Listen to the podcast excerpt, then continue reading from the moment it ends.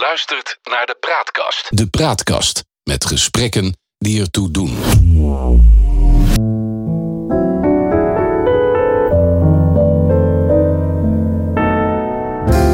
Welkom bij de Praatkast.nl. Dit is een aflevering van het Geheugenpaleis. Mijn naam is John Knierim. En samen met Han van der Horst maken we deze podcast. De geschiedenis die herhaalt zich nooit, maar rijmen doet hij vaak wel. En in het Geheugenpaleis gebruiken we dat gegeven om dieper in te gaan op de actualiteit. En we proberen zo te ontdekken wat werkelijk belangrijk is. En tussen beiden blijkt dat de werkelijkheid vaak genoeg elke fantasie te boven gaat. Han, we ontkomen er niet aan. De oorlog in Oekraïne, die woekert maar voort. We moeten het er weer over hebben. Maar ik zou het wat meer willen hebben over de Zwarte Zee. Want daar ligt Oekraïne aan, daar ligt de Krim in.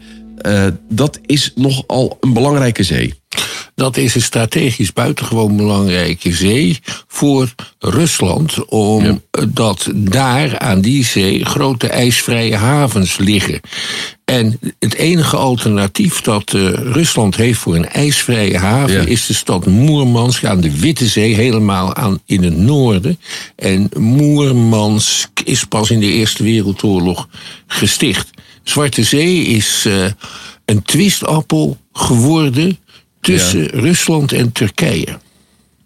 Ja, want, want Turkije ligt ook aan de Zwarte Zee. En, en om de Zwarte Zee te bereiken, moet je door de Bosporus, heet uh, die, die, die straat volgens mij. Met aan uh, twee kanten een prachtig silhouet van de stad uh, Istanbul.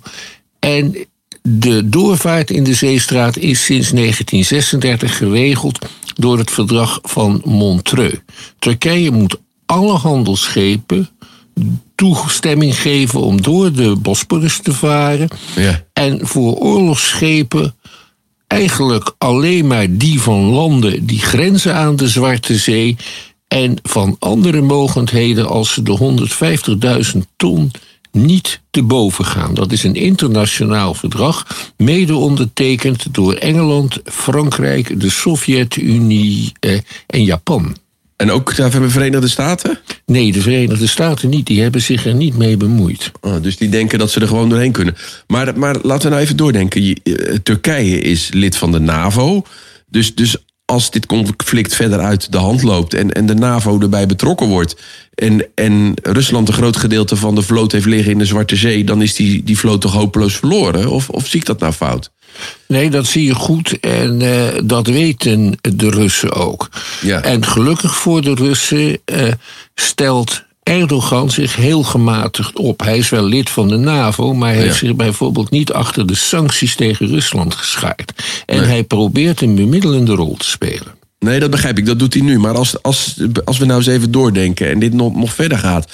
Dan denk ik, ja, je zit als, als met je vloot daar in de Zwarte Zee als, als ratten in de val als het uit de hand loopt. Dus ik begrijp dat strategisch belang aan de ene kant wel. Aan de andere kant denk ik dat Rusland zich ook blootstelt op een, een manier die, die niet goed voor ze is. Dat is ook zo. Nou zou het in het strijd met het verdrag van Montreux zijn als... Ja, dat zal de, maar die verdragen daar in oorlogstijd worden die als eerste verscheurd. Ja, toch? Ik denk dat als uh, Erdogan de Bosporus zou afsluiten voor Russische oorlogsschepen, dat Rusland dat als een aanval van de NAVO op uh, zichzelf beschouwt en dan is de Derde Wereldoorlog een feit. Ja. Dus Erdogan kijkt wel uit. Ja, en, en Rusland speculeert erop dat dus dat niet zal gebeuren. Uh, ik denk dat Rusland dat ook doet. Bovendien ja. zij lopen de belangen van Erdogan en van Turkije, als je het geopolitiek bekijkt, niet parallel met die van de NAVO als geheel. Nee, dat klopt, omdat die deelbelangen daar natuurlijk liggen. Want, want ja, ze, ze, grenzen allemaal aan, uh, aan de Zwarte Zee. Uh, de Krim maakt natuurlijk ook, die ligt eigenlijk midden in de Zwarte Zee. Dus bijna een eiland wat daarin uh, in ligt. Als, als straks nou Oekraïne opgedeeld gaat worden, want dat gaat natuurlijk toch gebeuren. Dan, dan heeft Oekraïne alleen nog maar met Odessa een haven die aan de Zwarte Zee ligt. Het probleem is dat uh, Oekraïne nu een heel duidelijke claim legt op de Krim. De Krim ja. heeft uh, sinds de onafhankelijkheid van Oekraïne daarvan deel uitgemaakt van dat land. Ja. Wel met een, uh, een heel autonome status. En in het beruchte jaar 2004 heeft Poetin de Krim laten bezetten. En nu ga ik iets 2014. zeggen. Wat, 2014. Ja. En nu ga ik eh, eh, iets, iets vreselijks zeggen. Ja, In deze tijd, daar had hij eigenlijk wel een goede Ja. reden voor. ja, en wat was die reden dan? Een strategische reden. Sebastopol en de Krim is te groot, zijn grote marinehavens van de Russische vloot. En verder heeft de Krim nooit deel uitgemaakt Nee. Van de Oekraïne. Dat was een, eh, een cadeautje door de Sovjet-dictator Khrushchev in, In 19... 1953, want dat Ja. hebben we in een van de vorige podcasten, heb je ons dat verteld, eh Han. Ja. Ik herinner me dat nog, ja. Ja, Ja. dus het is een soort toevalligheid eh, dat het eh, uiteindelijk in, eh, in bezit, om het zo te zeggen, gekomen is van, eh, van Oekraïne. Ja. ja, maar goed, maar dat is, dat is sowieso op dit moment een gelopen race, de Krim. Daar gaan de Russen nooit meer weg. En de Russen gaan ook nooit meer weg uit dat noordelijke gedeelte. De vraag is of ze nog wat meer krijgen. En als je naar die kaart kijkt, denk ik, ja, alles ten oosten van de Dnieper, dat is een hele grote brede rivier die door de Oekraïne loopt, dat zou wel eens Russisch kunnen gaan worden. Dat zou kunnen als Oekraïne de strijd min of meer opgeeft. Ja. En Rusland beseft dat het de rest van Oekraïne niet kan ver- eh, veroveren. Ja. Eh, er wordt nu de indruk gewekt dat eh, Rusland er akkoord mee zou gaan als de Krim Russisch werd en die twee afgescheiden deelrepubliekjes ook. Donetsk en Luhansk, Oekra- ja. ja, Oekraïne neutraal blijft en toezegt zich nooit bij de NAVO aan te sluiten. Ja. Dat, of dat in werkelijkheid eh, zo is, of een eh, strategisch eh, leugentje van de Russen, dat weten we niet. Wat wel erg duidelijk is, is dat de Krim in het. ehm, ja, het Russische zelfbesef en de collectieve ideeën over de vaderlandse geschiedenis een heel grote rol speelt. Ja, Want de Krim was oorspronkelijk een, eh, een granaat ja. met een kaan. Een Eh, granaat, wat, wat is dat, een granaat? Een kaan, een gaan is een Mongoolse vorst. Ja, Ehm, daar komt die titel vandaan. En in de middeleeuwen is ontstaan het Ghanaat van de Krim. Met als dominante macht de Krim-Tataren. Dat is een aan de Turken nauw verwant volk. En dat Ghanaat is op den duur een vazalstaat geworden van het Ottomaanse Rijk. Er voegden ook altijd veel Krim-Tataren mee in de, de Ottomaanse legers. Die bijvoorbeeld tegen Hongarije optrokken. En dat, dat die, dat, die vazalstaat die specialiseerde zich in, eh, in slavenhandel. Hè. We kennen de transatlantische slavenhandel, maar de, het granaat van de Krim heeft zeker 2 miljoen slaven geleverd aan het Ottomaanse Rijk. Die roofden ze dan in de Oekraïne en in Polen en soms zelfs in Roemenië. dus dat waren witte mensen die tot slaaf gemaakt eh, Ja. werden. Ja. Even over dat, eh, dat Ottomaanse Rijk. Voor mensen die dat niet weten. Dat is eigenlijk een soort groot Turkije. Mag ik dat zo zeggen? Turkije. Vanuit Turkije ontstaan. En, en eigenlijk tot diep in Europa heeft eh, dat land zich Ja. eh, uitgestrekt, dat Rijk. Ja, tot en met Hongarije. Ja. Ze hebben, de, de Ottomanen hebben twee keer hebben die, ehm, twee keer hebben die Wenen belegerd. En verder hoorde het hele Midden-Oosten erbij, inclusief Egypte. En ook Algerije, Tunesië, die eh, waren officieel onderdeel van dat Ottomaanse Rijk. Dus dat was Ja. de machtigste staat van Europa. ja. En dan, dan hebben we het over welke periode? Dan hebben we het over de 16e eeuw. Tot wanneer is dat, dat, dat Rijk zo groot geweest? eh? Eh, nou, dat is eh, gaan krimpen in de 18e eeuw. Ja. Maar het is pas ten onder gegaan in 1918.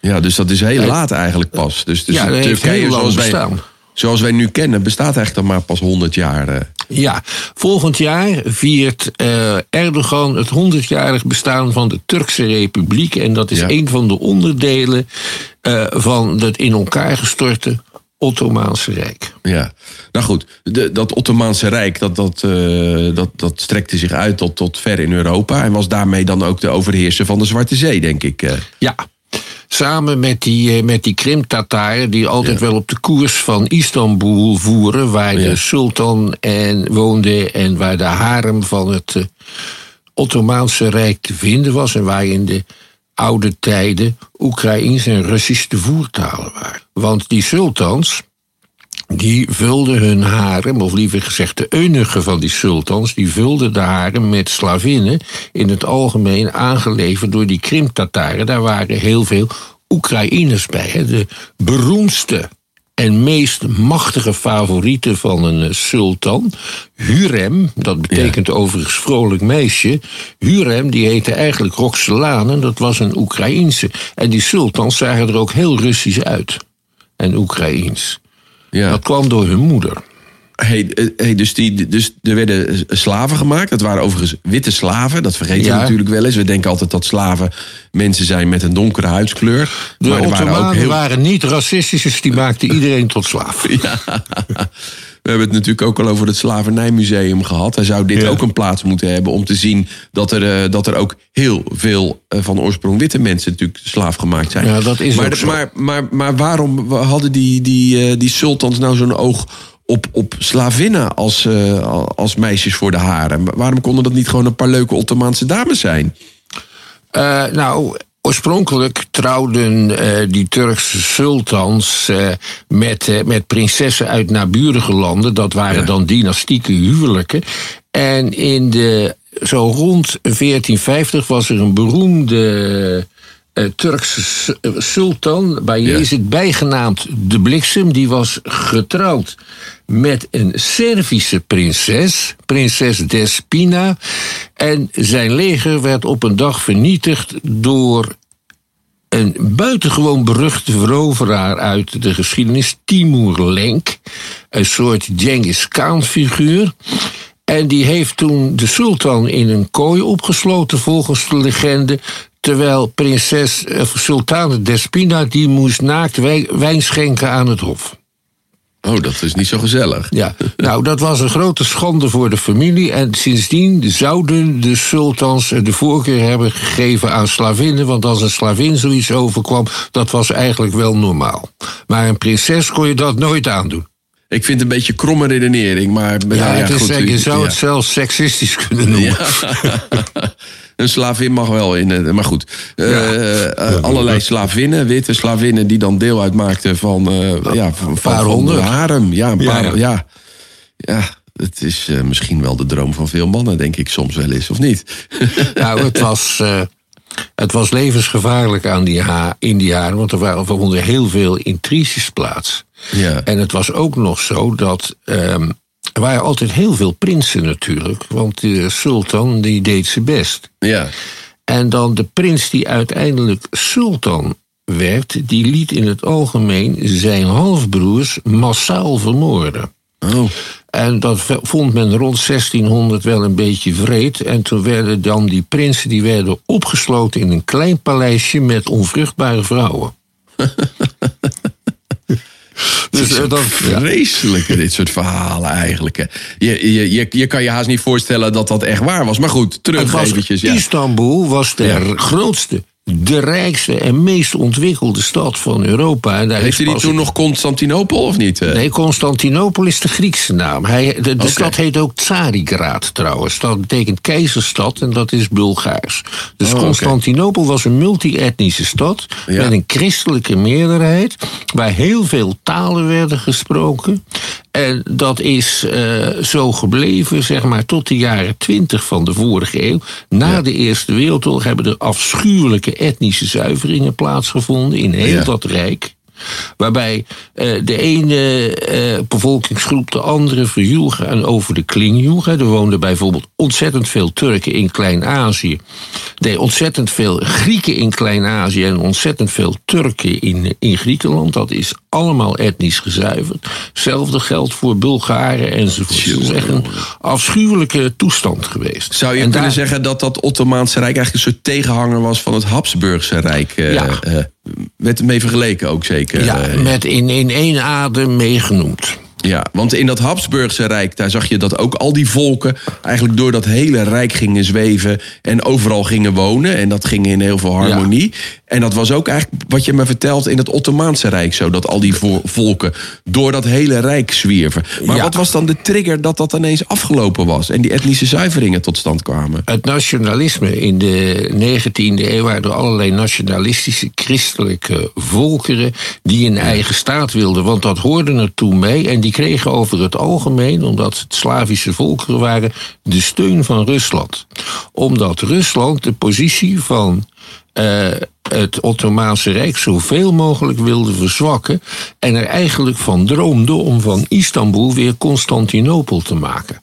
Ja, want, ja. want dan hadden ze vrij spel met hun vloten in de, middel, in de Middellandse Zee. Dus concurrerende machten, Engeland en Frankrijk, die probeerden dat zoveel mogelijk tegen te gaan. En dat deden ze door eh, het Ottomaanse Rijk te steunen en overeind te houden, ook toen het al helemaal verzwakt was. En het is ook niet voor niks dat Turkije nu lid is van de NAVO en van het Westers Bondgenootschap. Dat heeft met die traditie te maken. Ja, dus eigenlijk was dat ook al een soort van proxyoorlog, eh, zoals die nu ook gevoerd worden, dat het Westen Oekraïne st- steunt om een, een oorlog tegen Rusland te voeren. Ja. Was, dat, was dat toen ook zo? Toen steunden we eigenlijk de, de Turken of de, de, Ja. om, om ervoor te zorgen dat die Russen onder de duim gehouden werden. Ja, er is één keer een echte oorlog gevoerd. Eh, Ja. dat is de beroemde Krimoorlog eh, van 1853 tot 1856. Waar de Franse, Engelse en, en, en, en, en Sardijnse legers bezig de,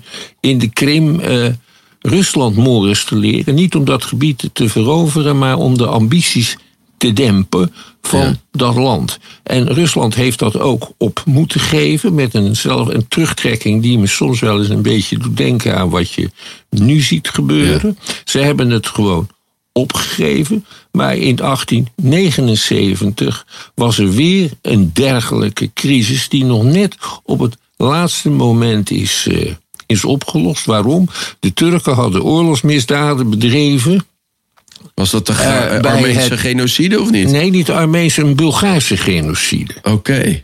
En daarop eh, heeft Rusland het opgenomen voor de onderdrukte Bulgaren. Ja. En daar kwam een enorm Bulgaars rijk uit. En dat hebben andere Europese machten, met name Engeland en Frankrijk, tegengehouden. Er is een klein Bulgaars staatje toen gekomen.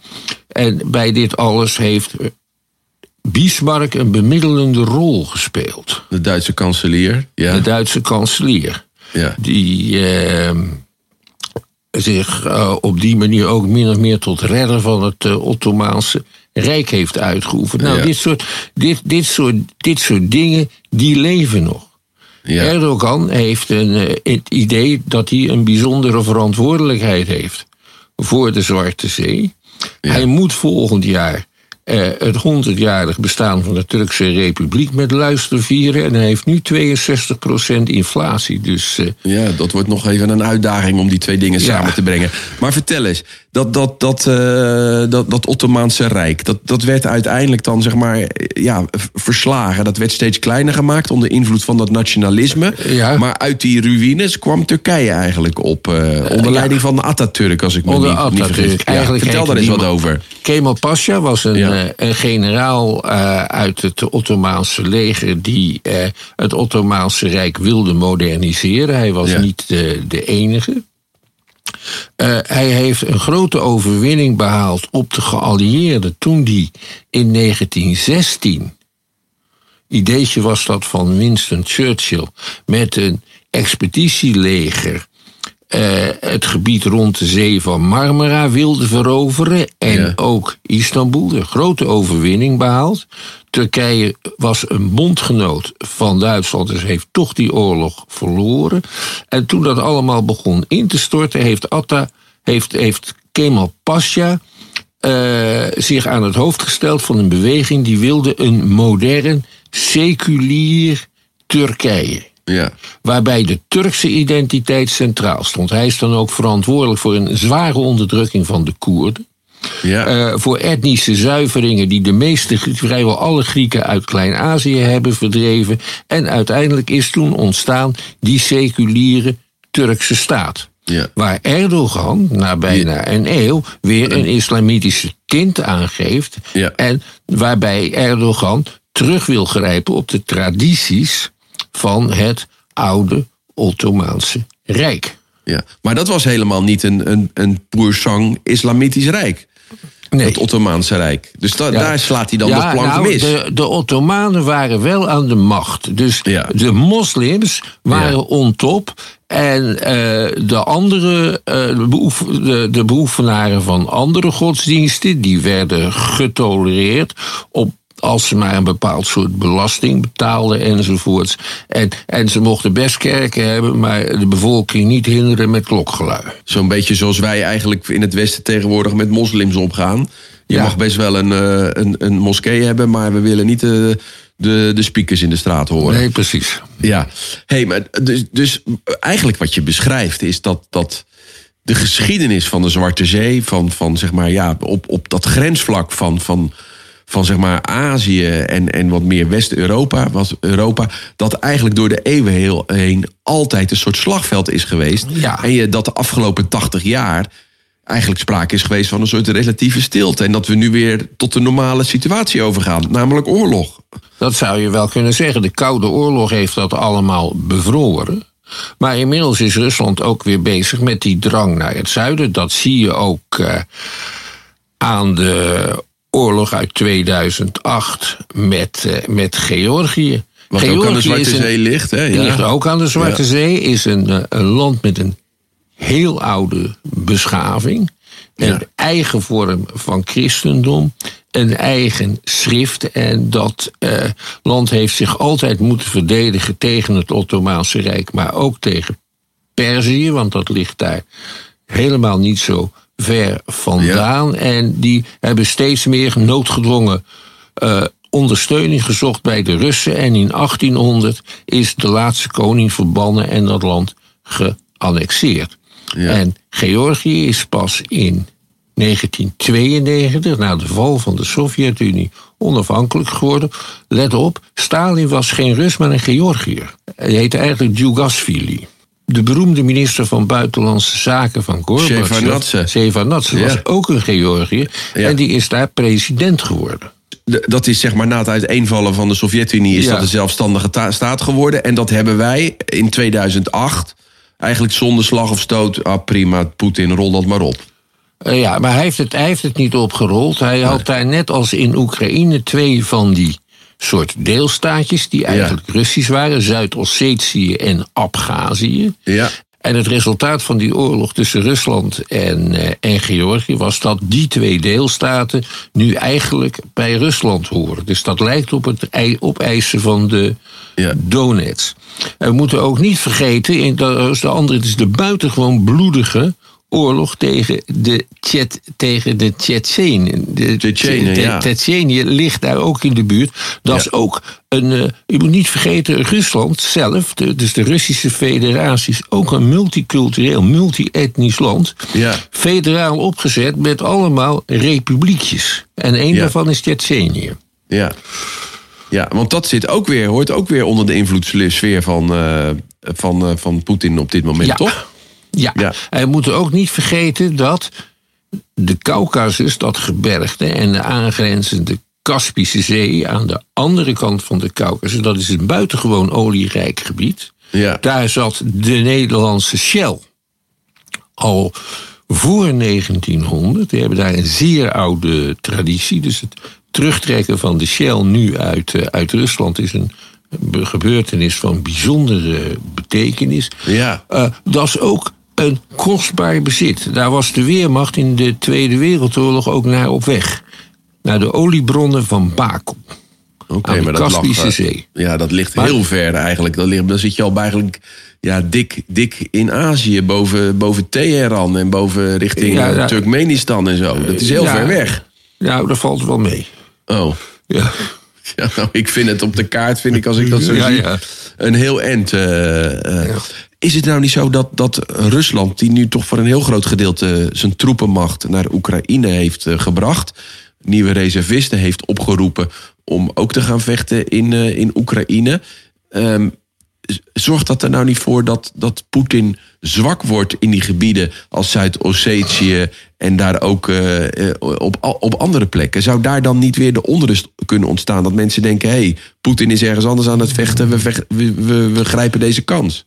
Ah, nou, daar heb je best kans van. Bovendien eh, is onderlinge haat en, eh, en strijd eh, wel een traditie van dit eh, gebied. Hè? Eh, We zijn het nu bijna alweer vergeten, maar er is pas ook nog een oorlog geweest tussen Armenië, dat ligt een beetje achter Georgië, Ja. en Azerbeidzjan, dat Ja. is een. eh, ja, zeg maar een Turkse staat, het Azerbaijani, dat die zijn ook nauw verwant aan de Turken. Eh een van de beleidslijnen van Erdogan is dat hij nauwe banden wil met de Turkse, Turkstalige staten in, eh, in de voormalige Sovjet-Unie, Turkmenistan enzovoort. Eh, ik was eens een keertje op een, eh, een feestje bij mij in de buurt, een openbare pretpark en pretmarkt. En er hingen van Turken hingen allemaal vlaggen. En ik zei, heren, wat zijn dat voor vlaggen? Streeft u soms naar het Turkije van Istanbul tot in eh Xinjiang? Tot en met de Oeigoeren. En toen zeiden die heren, dat is op het moment niet haalbaar, maar gaat u zitten. En toen heb ik voor het eerst van mijn leven thee gedronken met de grijze wolven. En Oh, die willen dat soort dingen dus. Ja, ja, Die dus ook weer een soort- ik woon in Schiedam en daar hebben ze een bijkantoor. Met een grote, met een grote vlag van de. Je kunt als de deur open staat. Het is eigenlijk een oud kruidenierswinkeltje. Ja. Zie je daar een enorm tapijt met, een vlag, met de grijze wolf erop. Ja.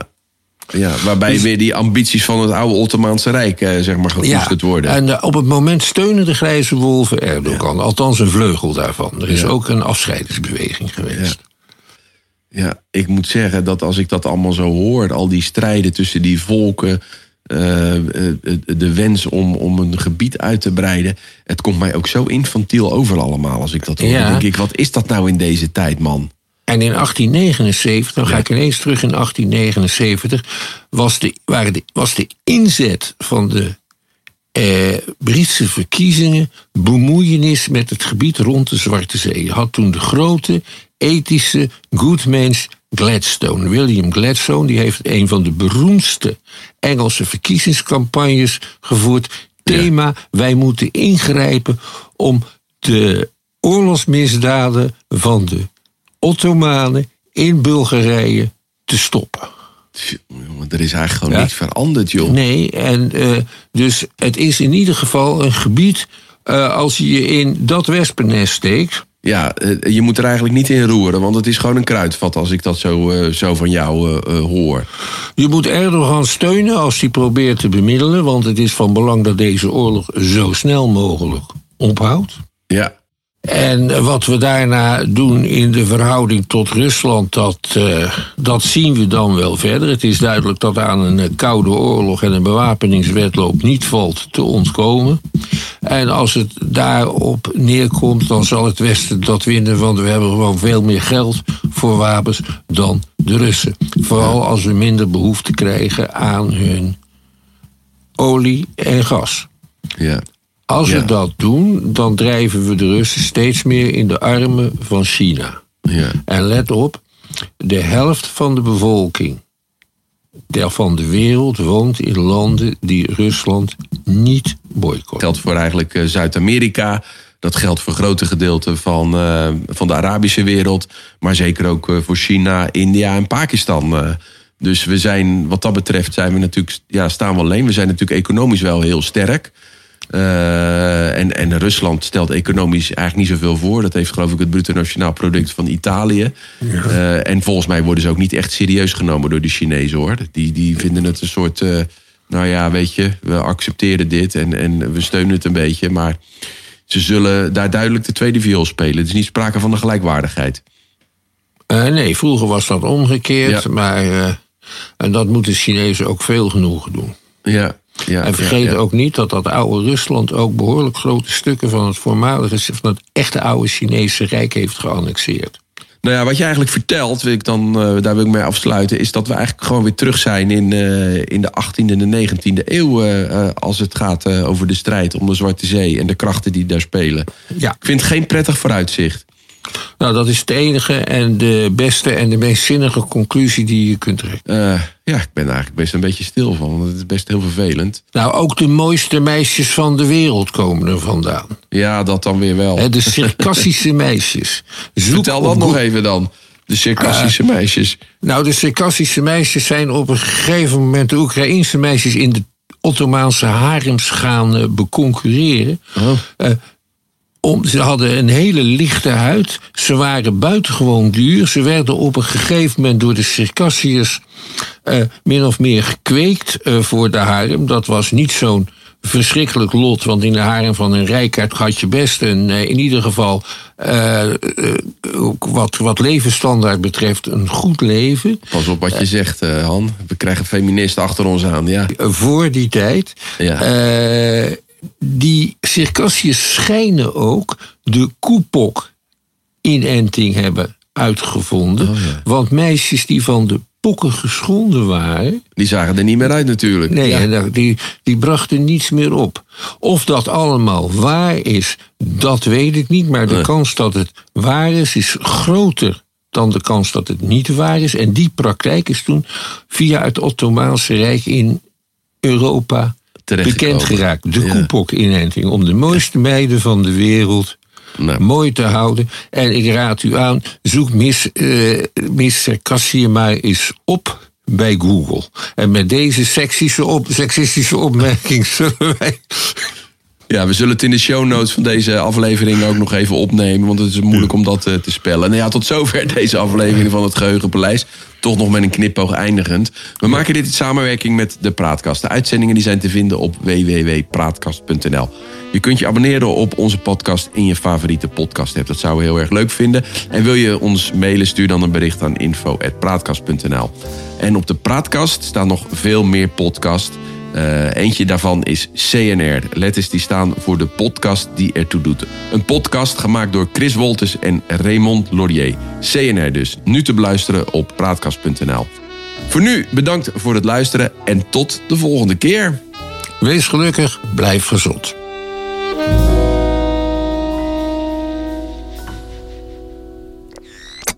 De Praatkast.